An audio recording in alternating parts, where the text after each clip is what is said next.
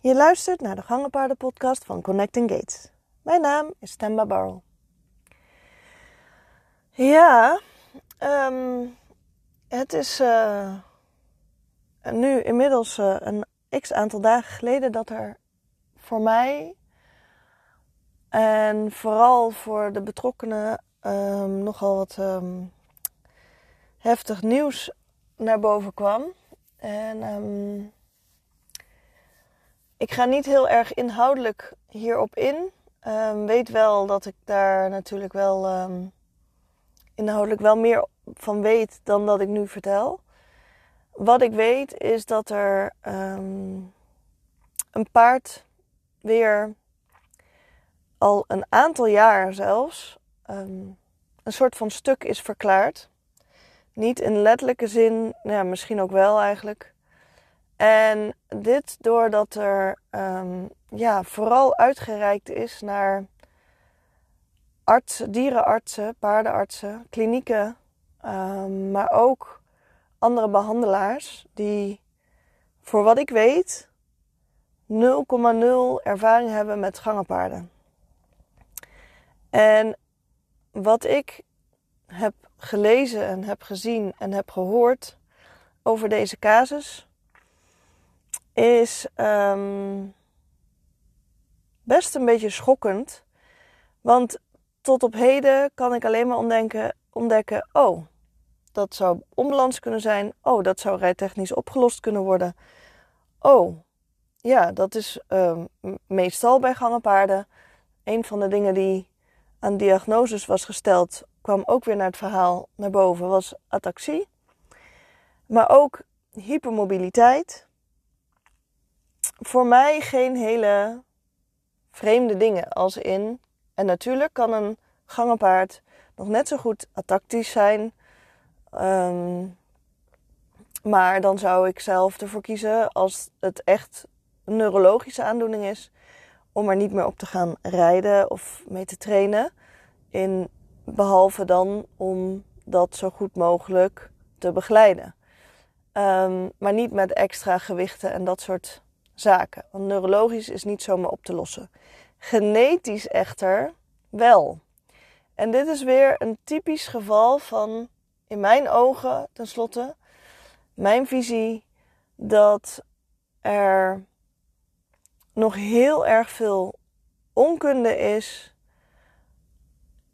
bij ja, artsen, behandelaars, paardenprofessionals die niet met gangenpaarden in aanraking zijn uh, of daarmee werken of maar minimaal mee werken, dat dit toch best wel, um, licht gezegd, schokkend is.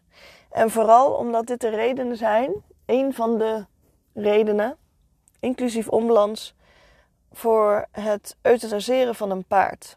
En um, dat is voor niemand leuk en het is ook niet per se dat een eigenaar hier echt schuldig aan is of iets dergelijks of wat ook. Dat is ook absoluut niet mijn, um, mijn visie hierin.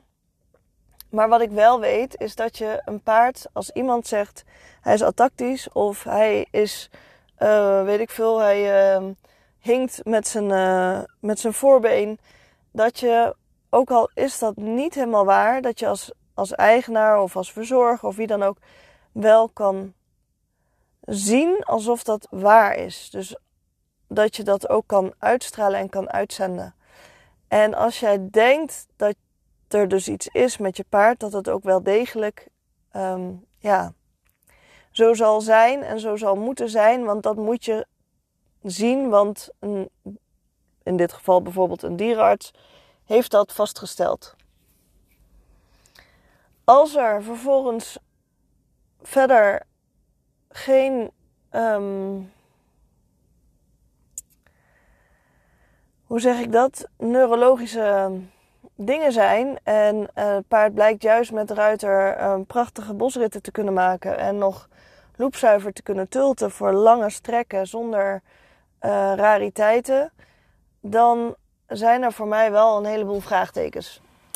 En ik krijg dit behoorlijk vaak te horen. En als je mij podcast al vaker hebt geluisterd, dan weet je hier ook meer over. En ik kan het niet genoeg benadrukken dat dit nog steeds gebeurt. En als jij iemand kent die een gangenpaard heeft en daar echt gigantisch mee struggelt, dan kan het best wel een idee zijn om een keer aan te reiken en aan te dragen om met een gangenpaardenprofessional um, mee te, te laten kijken. Ik heb namelijk ook een aantal klanten gehad waarbij precies op het moment van um, het volgen van lessen bij mij of sessies bij mij, dat diegene door bijvoorbeeld in een geval van, van deze klant, om die even in gedachten te nemen, dat er een osteopaat was die volhardend zei: Je paard heeft gigantisch veel pijn en hier en hier en hierom, slappere achterhand. Um, loopt niet goed. De coördinatie met achterhand en voorhand is niet correct. En deze osteopaat verzocht dus naar een x aantal onderzoeken bij um, dierenklinieken. En nou, natuurlijk is dat uh, sowieso belangrijk om te onderzoeken. Hè, want stel nou dat er wel wat is, dan kan ik me voorstellen dat het ook wel heel erg fijn is om te weten. Maar het komt niet zo vaak voor als dat ik het hoor hoor.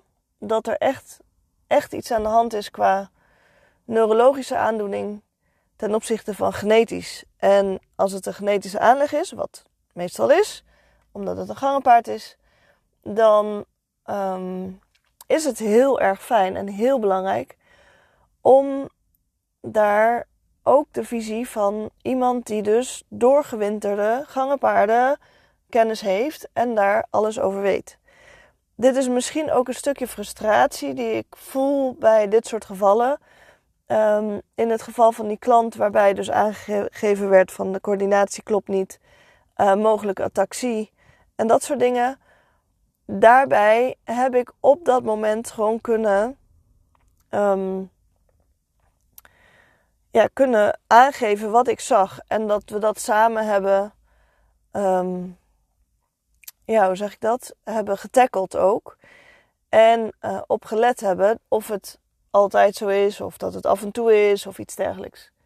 Ik ben geen dierenarts, ik ben geen osteopaat, maar ik heb wel ontzettend veel verschillende paarden. Heel veel in mijn handen.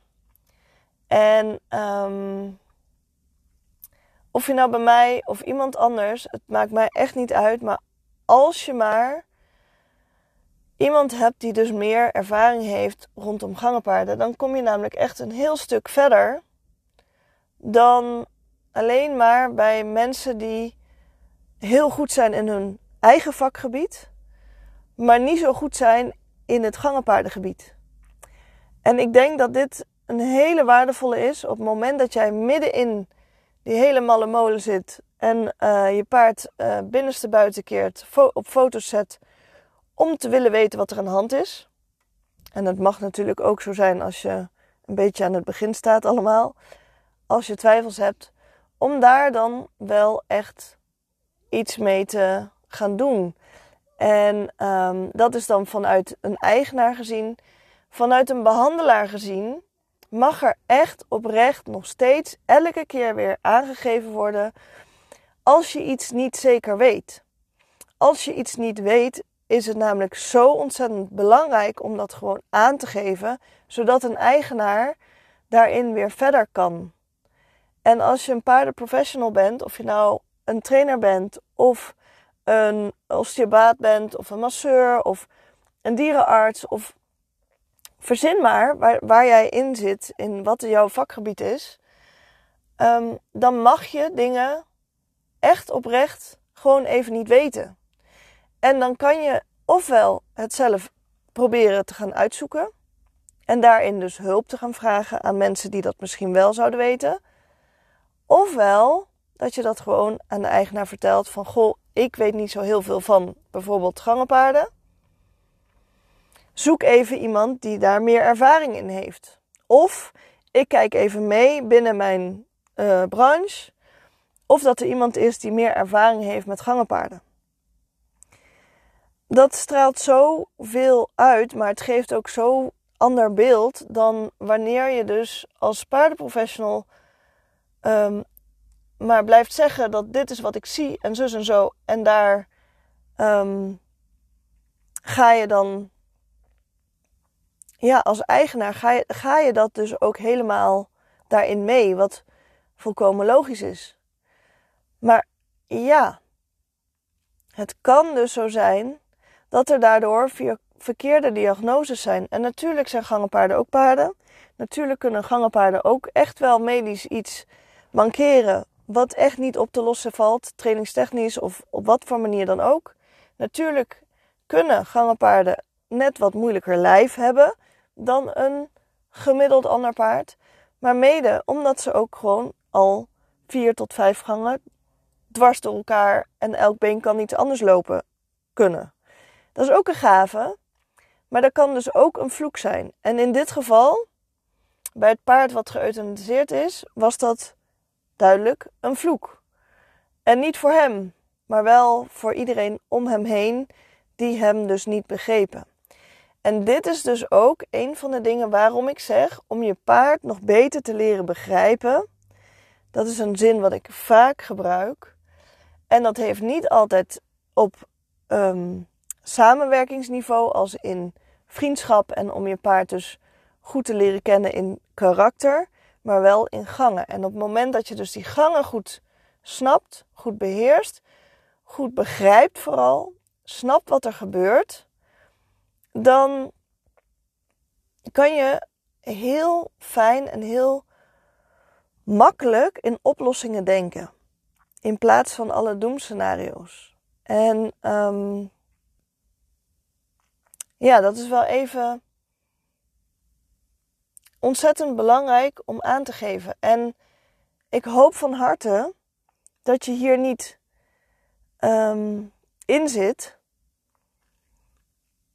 Of in hebt gezeten, er ervaring mee hebt. Uh, de kans is wel aanwezig dat je daar wel een vorm van al hebt meegemaakt. En het kan zo simpel beginnen bij het bekappen van je paard. Het laten bekappen van je paard. En ja, het is complex en ja, het is zo simpel tegelijk.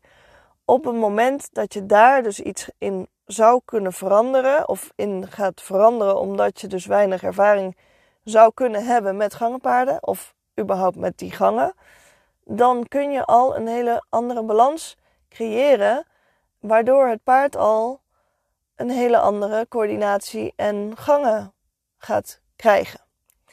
Dus ja, alles en dat is mijn holistische kijk hierop ook. Maar alles heeft met elkaar te maken. En het is dus echt super belangrijk en super waardevol om hier dus mee um, bekend te raken. Dus als je het nog niet weet en je vindt het reuze interessant, kom alsjeblieft, zeker als je een paardenprofessional bent, kom alsjeblieft bij mij op de lijn, want dan kan ik kijken wat we daarin kunnen doen. En of ik je daarin meer kan ondersteunen. Misschien wel kan coachen als, het, als dat fijn voelt. Of op een hele andere vorm waar we samen over kunnen sparren. Want dit, zoals er nu gebeurd is.